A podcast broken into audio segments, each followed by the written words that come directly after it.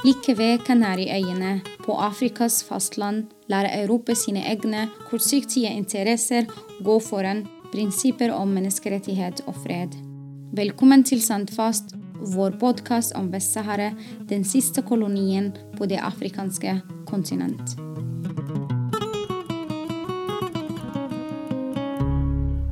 Fra mitt perspektiv som en fra Nord-Afrika ser jeg på EU med mye beundring og respekt til hva EU har fått til.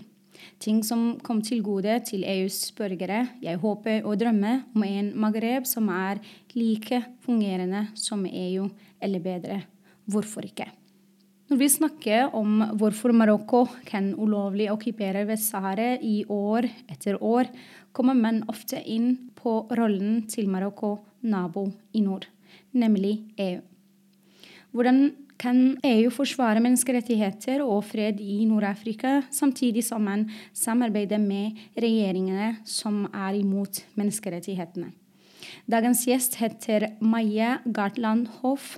Hun har skrevet en masteroppgave om EUs utenrikspolitikk overfor tre av landene i Nord-Afrika. Maja, da jeg leste oppgaven, skjedde det gang etter gang at jeg måtte nikke eller smile. For jeg kjente jo igjen alt du skrev i hvordan EU forholder seg til okkupasjon av Vest-Sahara. Maja, eh, velkommen til Sandfast. Tusen takk at du um, tok tid til å komme hit. Tusen takk for at vi kom med. Veldig trivelig. Og Maja, du er statsviter, og du har skrevet en fantastisk masteroppgave som jeg leste hele masteroppgaven Fantastisk. i går kveld. Så, og uh, masteroppgaven heter det The EU as a democracy promoter in the Maghreb, a crystallization of the European dilemma. Så Maja, hvordan fungerer EU som utenrikspolitisk aktør i Vest-Sahara og i Maghreb? Ja. Det er jo et veldig stort spørsmål. Sånn helt overordna først, uh, så, uh, så bruker jeg å tenke på det som Henry Kissinger sa i uh, veldig kjent amerikansk politiker fra, fra 1980-tallet. Så sa han at han skjønte ikke hvem han skulle ringe når han ville snakke politikk med Europa. Og det sier jo egentlig litt om hvor usikker man egentlig er på EUs rolle som utenrikspolitisk aktør. Eller man tenkte i hvert fall det på 80-tallet. Og så er det nok ganske mange som vil si at de fortsatt er litt usikre på hvordan det egentlig uh, fungerer. Um, for EU er jo ikke bare en enhetlig aktør, men veldig mange ulike enheter og aktører. Da snakker vi om 27 medlemsland, vi snakker om alle de sju ulike EU-institusjonene, alt fra Europaparlamentet til kommisjonen, domstolene osv. Alle som har ulike interesser som de ønsker å beskytte sjøl. Og så Innad i parlamentet så ser vi jo at man har ulike sammensetninger. Man har ulike representanter fra ulike land. I tillegg til at de jo da har sine partipolitiske skillelinjer. Så det er jo snakk om, om, utrolig mange ulike stemmer og interesser som skal enes om en felles utenrikspolitisk eh, retning. Og jeg tror nok ikke at det er en enkel oppgave å ha. Um, og så ser man jo da ganske tydelig at det nettopp er vanskelig i Vest-Sahara og i, i Nord-Afrika. Så hvis vi tenker på, på Vest-Sahara som, som, case, um, og, og, på medlemslandene, så uh, har vi jo i hovedsak uh, Frankrike og Spania som uh, har ulike roller inn i konflikten, som vi ser tydelig. Frankrike står tett sammen med Marokko og føler nok behov av historiske grunner, um, blant andre ting, behov for å støtte den marokkanske sida. Um, som jo de har gjort helt siden begynnelsen. Spania derimot jeg kjenner nok litt på en sånn ansvarsfølelse. Um, uh, om uh, overfor utfallet, hvordan det egentlig gikk. Altså det her med hvordan Madrid-avtalen ble håndtert bak, i bakkanaler osv. Til, til Marokko og til Mauritania i 1975. Og så har jo Spania prøvd over flere år. Um, uh, og har jo en stor del av befolkninga si også som er veldig opptatt av Vest-Sahara. Og politikere som støtter Polisario sin sak.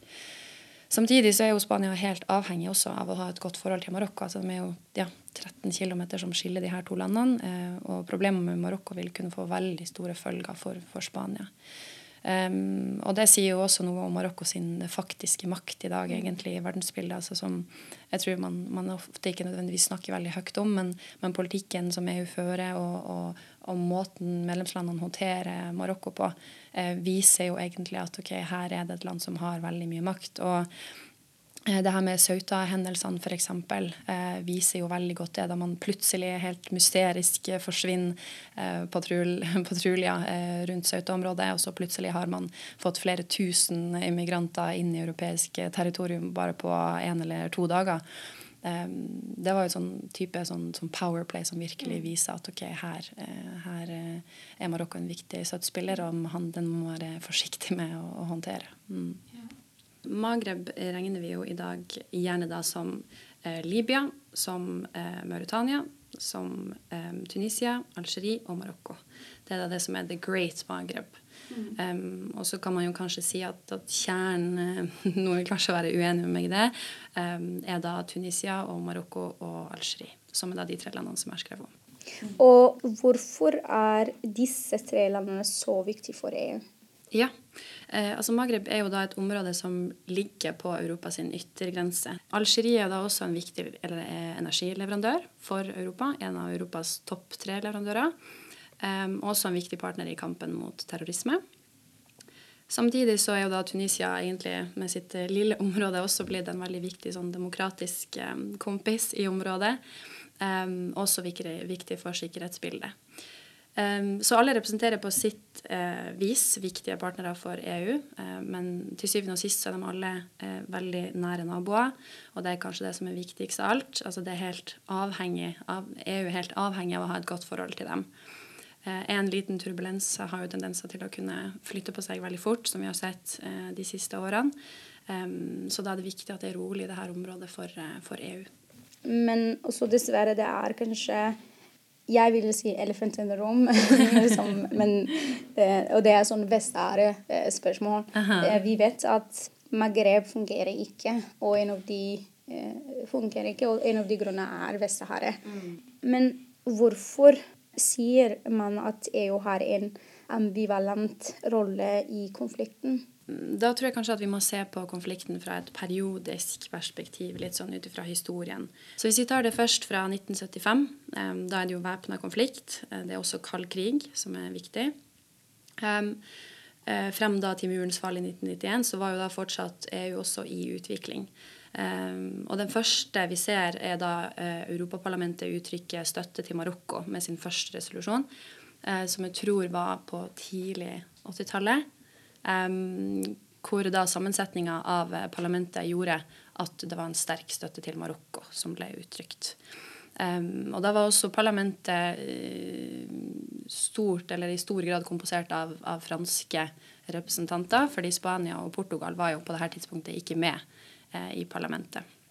Og så kan vi også tenke oss at at det passa inn i kald krig-perspektivet, nettopp fordi at eh, man var litt redd for Algerie sitt eh, gode forhold, eller ikke gode forhold, men ja, gjerne gode forhold til Sovjet. Eh, og Marokko ble på en måte en viktig sånn liberal eh, eh spille, støttespiller for, for Vesten. da. Mm.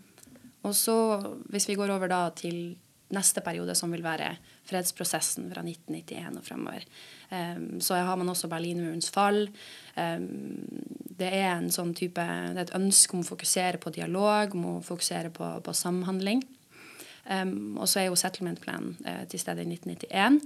Uh, som jo da uh, gjør at etter hvert så, så endrer også da Europaparlamentet sin støtte til Saharoien. Så da går du fra å ha en, en, veldig sterk støtte til Marokko i forrige periode, til nå å da faktisk støtte Saharoien. Så allerede der har man jo en endring. Um, og det kan også være i stor grad takket være egentlig Spania og Portugal, vil jeg nok eh, tørre å påstå. Um, gjennom også det her Peace for the Saharawi People-grupperinga i, i Europaparlamentet. Um, ja. Og så hvis vi da tenker oss videre til eh, neste eh, periode, så får man jo krigen mot terror og alt som skjer i 2001. Um, på en måte så vanskeliggjør det jo situasjonen uh, enda mer, fordi EU fortsetter jo også uh, Man har en sånn vestlig støtte, og man får et større fokus på, på sikkerhetspolitikk. Man er også bekymra for Sahel-området, og mm. der blir jo uh, Nord-Afrika veldig, veldig viktig. Um, og det går egentlig også bare rett over videre til neste periode, som jo er når du får den arabiske våren. Um, så det er det, det er det, her med at ting egentlig har stått litt, litt i stillstand etter det. Eh, men det som kanskje også gjør at vi kan se at det er en spesiell ambivalent rolle, er jo det her som har skjedd med, med EU-domstolene. Så vi ser at EU-parlamentet ja har endra sin rolle. Um, EU-domstolene uh, derimot har jo da vist også at uh, f.eks. fiskeriavtalen, uh, som jo er mye omtalt, um, er ugyldig. Man har sagt at den er ugyldig, mens kommisjonen egentlig har fortsatt uh, å handle um, på like vilkår. Og det har jo da skjedd to ganger, at kommisjonen har fortsatt, mens EU-domstolen sier nei. Um, så uh, på den måten så viser man jo egentlig at uh, her har det skjedd veldig mye på veldig kort tid. Ting har gått frem og tilbake. EU-domstolen sier nei, kommisjonen sier ja. Parlamentet sier nei, så sier de ja, og så går de tilbake. Uh, og sånn har det egentlig gått litt på. Så da ser vi jo at det er store gap til slutt mellom den retorikken som, som EU fører, Um, og um, om å være liksom beskyttende for menneskerettigheter og uh, selvbestemmelse, for så det å rett og slett ikke ta hensyn til fredsavtalen som kommer i 1991. Mm. Og så det med EU-retorikk og mm. deres praktisk eh, fra andre side. Altså, I oppgaven din skriver du eh, også at det ikke er nødvendigvis sammenheng mellom liv og lære i dette. Mm. Altså i i mye gjennom oppgaver. Altså, I alle avtaler så er det EU skal promotere eh, demokratisation. EU mm. skal forvente at det blir sånn ja, mer mot den retning. Og så på andre sida er det mm. Så skjer det ikke så mye. Nei. Man vet jo da at det begås eh, menneskerettighetsbrudd i det okkuperte området. Eh, og vi ser igjen da at det er ulike europeiske institusjoner som står på ulike sider. Altså I Europaparlamentet så har det eh, under flere runder pågått debatter om det her med menneskerettighetsbruddene, hvor man uttrykker en klar, og rolig stemme til de humanitære forholdene. Um, samtidig som at kommisjonen og, rådet egentlig har vært veldig stille og, fokuserer tydelig på de økonomiske hensynene. Og det ser vi da med denne fiskeriavtalen, um, som jo hopper frem og tilbake mellom å inkludere Vest-Sahara, altså det okkuperte området, eller ikke. Så når Den europeiske domstolen erklærte, kanskje det var i 2015 eller 2016, de får rette på meg hvis jeg sier feil, da erklærte den avtalen 16, takk, uh, erklærte den avtalen for ugyldig, så ble det jo kjempeproblematikk mellom mm. forholdet til Marokko og, EU. Uh, hvor man sendte jo folk ut av området. og ja, Det, var, det, ble, det ble en liten sånn kald, eh, kald, krig, kan man kanskje nesten si, på det tidspunktet. Um, og det, sånn varte det jo frem til 2019, når man da på nytt igjen um, tok inn Vest-Sahara i den nye loven. Og så har det jo skjedd på nytt igjen at nå, det var vel sist i september i 2021 at um, EU-domstolen igjen sa det her er, eh, det her er uh, okkupert område, vi kan ikke ha det her området med i våre handelsavtaler. Allikevel så fortsetter EU og kommisjonen å handle med den samme avtalen. Enkelte land i EU-stater kanskje har en spesiell interesse i at menneskerettighetene eller demokratisering nettopp ikke finner sted. Ja. Eller i hvert fall man fra utenfor kan mm. oppleve det. Mm. Fordi du skriver også din uh, masteroppgave uh, at det er én ting hvordan EU opplever, opplever seg selv, at mm. promoter og sånn, men hvordan de oppleves fra den andre siden. Så for meg, for eksempel, som fra Nord-Afrika, så kan man oppleve at ja, de vil faktisk ikke ha ja.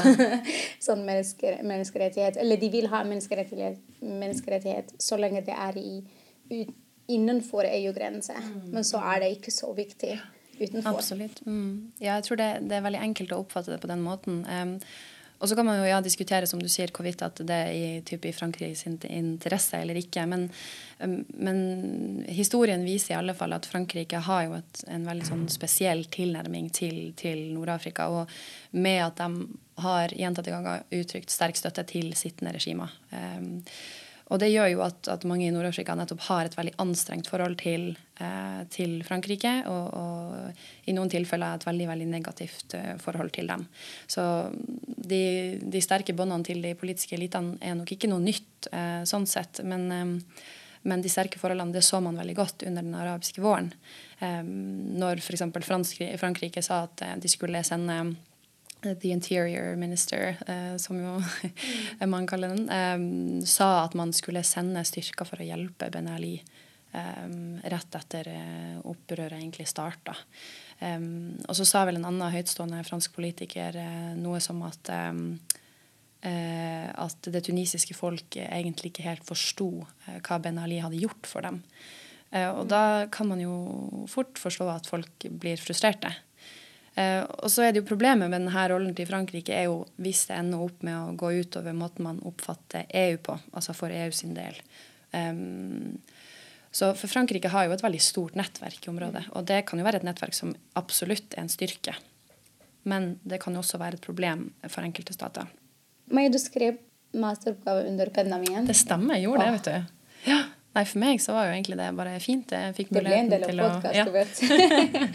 det går helt fint. Nei, Men du fikk ikke reise til Hadde du planer å reise til Jeg hadde planer om å reise til, til, til Nord-Afrika. Jeg, ja. jeg hadde jo veldig gjerne lyst til å besøke alle tre landene hvis det hadde vært mulig. Ja. Um, men uh, fire, hvis vi regner med Vest-Sahara. Uh, men dessverre så ble akkurat ikke det mulig. Så da dro jeg dit jeg kom nærmest, og det var jo da Sør-Spania. Mm. Og så Vest-Sahara mm. til slutt. Det landet hvor jeg er fra. Territoriet som du har allerede forklart, okkupert av Marokko. Samtidig som EU prater om respekt for folkeretten og menneskerettighetene, er EU kanskje den største eh, støttespilleren til okkupasjon. EU finansierer bygging av bosetninger for marokkanske settler, består av våpenhandel og migrasjonskontroll i de okkuperte områdene. Hvilke virkemidler kunne EU hatt overfor Marokko for å forsvare folkeretten i Vest-Sahara istedenfor å undergrave den? Mm. Ja, altså det som eh, de representantene som sitter i, i, parlamentet, som er med i denne Peace for the Sahrawi-gruppa, um, sier sjøl, er jo at um, EU har et utrolig stort potensial til å kunne presse uh, Marokko i større grad når man inngår handelsavtaler. Um, og det er jo når man skal vurdere støtte til ulike initiativer. Uh, for det er vel rundt, rundt 60% av all eksport, uh, all marokkansk eksport, uh, går til EU. Og det sier jo litt om den store avhengigheten som, som, ligger på marokkansk side til EU. og det er ingen tvil om at EU kan ha mye makt uh, pga. det. Samtidig så tror jeg at Marokko er veldig klar over det her. Altså de, de, søker seg i større grad mot USA, mot Kina, mot Den afrikanske union. Um, så jeg tror at EU også er litt sånn, ønsker å være litt forsiktig uh, pga. det. Uh, for man er jo helt avhengig av Marokko for å holde kontroll på migrasjon. Um, og det ser ut til at det fortsetter å være en helt sånn sentral del av, av EU sin politikk mot uh, området. Um, men så tror jeg det er viktig også å, å tenke at, få frem at EU har store muligheter til eh, i området. Det er, det er, snakk om ulike prioriteringer. Um, og EU sin unike rolle, altså det her fundamentet som sånn fredsskapende struktur, for det var jo det det faktisk eh, var helt i starten. altså Det ble konstruert nettopp for å skape fred i Europa. Um, og har muligheten til å være en sånn type unik makt som ikke finnes eh, noen andre steder. Men da er man nødt til å minke de her forskjellene som vi har snakka om mellom retorikk eh, og mellom de praktiske tingene man faktisk gjør, at det ikke er et så stort skille i det. Um, og så tror jeg at det er viktig at EU kan oppfattes mer som en enhet. Um, sånn at man i stedet for å føle at, at, at, EU er blitt en fasade for enkelte medlemsland, f.eks. Um, så det kan jo derfor være sånn at noen historiske bånd til f.eks. Frankrike eh, vil være viktig. Nettopp fordi at man vet at EU ikke har vært eh, og kolonisert tidligere. EU har ikke den bagasjen med seg mm. når de skal gå inn i forhandlinger og når de skal promotere demokrati. Um, så jeg tror det, det, er viktig, for da kan man ende opp med å være en sånn type buffer for de her koloniale båndene som eksisterer mellom andre medlemsland. Um, så EU kan med andre ord klare å være viktig hvis, og være unik hvis uh, de klarer å skille seg sterkere fra medlemsstatene. Er det mulig? Ja. Er det mulig? Ja, jeg tror det kan være mulig. Så Maie skal si en ting for meg som er fra Nord-Afrika. ikke sant? Um, vi har vært flere ganger i Brussel mhm. for EU-parlament, for å møte parlamentet parlamentarikere fra EU. Og, og så syns jeg herregud, her er det demokrati i praksis. Um, jeg som kommer fra en flyktningleir, uh, kan bare møte en parlamentariker som representerer for Spania, eller f.eks. Slovakia, hvor jeg har tatt med meg en student. Min venninne hun studerte sammen, så vi møtte folk fra Slovakia. Og da du sitter der og du ser kjempe sånn kjendisfolk Herregud, jeg er ikke kjendisperson, men i politikk. Altså Plutselig står det foran deg. Og så når jeg er på flyplasser, ikke sant? Mm. så står det alltid det, det for EU-borgere ja. sånn, ja. med pass. Mm. Eh, og så de bare Jeg reiste sammen til leirene flere ganger med ja. ungdomspolitikere fra Norge. Og jeg må innrømme noen ganger jeg vil nesten gråte inni meg. Nei, men det er sånn du ser at de er jo folk. de går bare kjempefort gjennom den uh, passasjen. Eller, mm. ja. Visakontroll? Ja. Mm. Mens vi eh, fra resten av verden så må vi gjennom kjempelang kø. Mm. Eh, og så når du finner studentene her i Norge som med Rasmus-program og sånn Jeg syns det er kjempevakkert og bra ting med EU. Og jeg ønsker ah, hvorfor har vi ikke samme i Maghreb? Ja. Men så plutselig så sier EU-domstolen dette er ulovlig, ja. og så velger EU bare å commission, mm. og ikke bryr seg om det. Og da får man den sånn i, på bildet Og her er det litt sånn mm. Det er litt noe som ikke stemmer. Men det er det med reell politikk Det bare føles som eh, at uh, Ja, kan du, kan du hjelpe meg også med den eh, forvirring? Ja, altså jeg tenker jo at det er en ganske, en ganske, fin refleksjon rundt nettopp det her som er den nye globale politikken til EU. I 2016 så kom de ut med en, med en ny strategi den globale strategien, heter det. Um, hvor det kommer egentlig ganske godt frem i, i noen ulike formuleringer. Um, og det er også som Josef Borrell har sagt tidligere, som er EU sin uh, High Representative for Foreign Affairs. Um, og han sa at, at europeere de må lære seg å deale med verden sånn som verden er, ikke sånn som de ønsker at den skal være. Og da tenker jeg at man legger ganske sånne sterke føringer nettopp eh, for å si at EU og europeere faktisk ofte ser på seg sjøl som en normativ makt. Man har lyst til å være en positiv endring. Man har ikke lyst til å følge den samme mølja. Men derimot så ender det jo fort kanskje med at man nettopp gjør det. Eh, og den nye politikken fra 2016 den vil nok påstå en retning i, i, en mer realpolitisk retning. Samtidig så tror jeg jeg også er litt forsiktig med å bruke litt for altfor sterke retoriske eh, grep. Og de sier bl.a. eh, um, det her med prinsipiell eh, pragmatisme, at politikken deres skal styres av det. Prinsipiell pragmatisme. Og så stiller jeg meg sjøl spørsmålet om det er mulig å være både pragmatisk og prinsipiell på samme tidspunkt. Ja.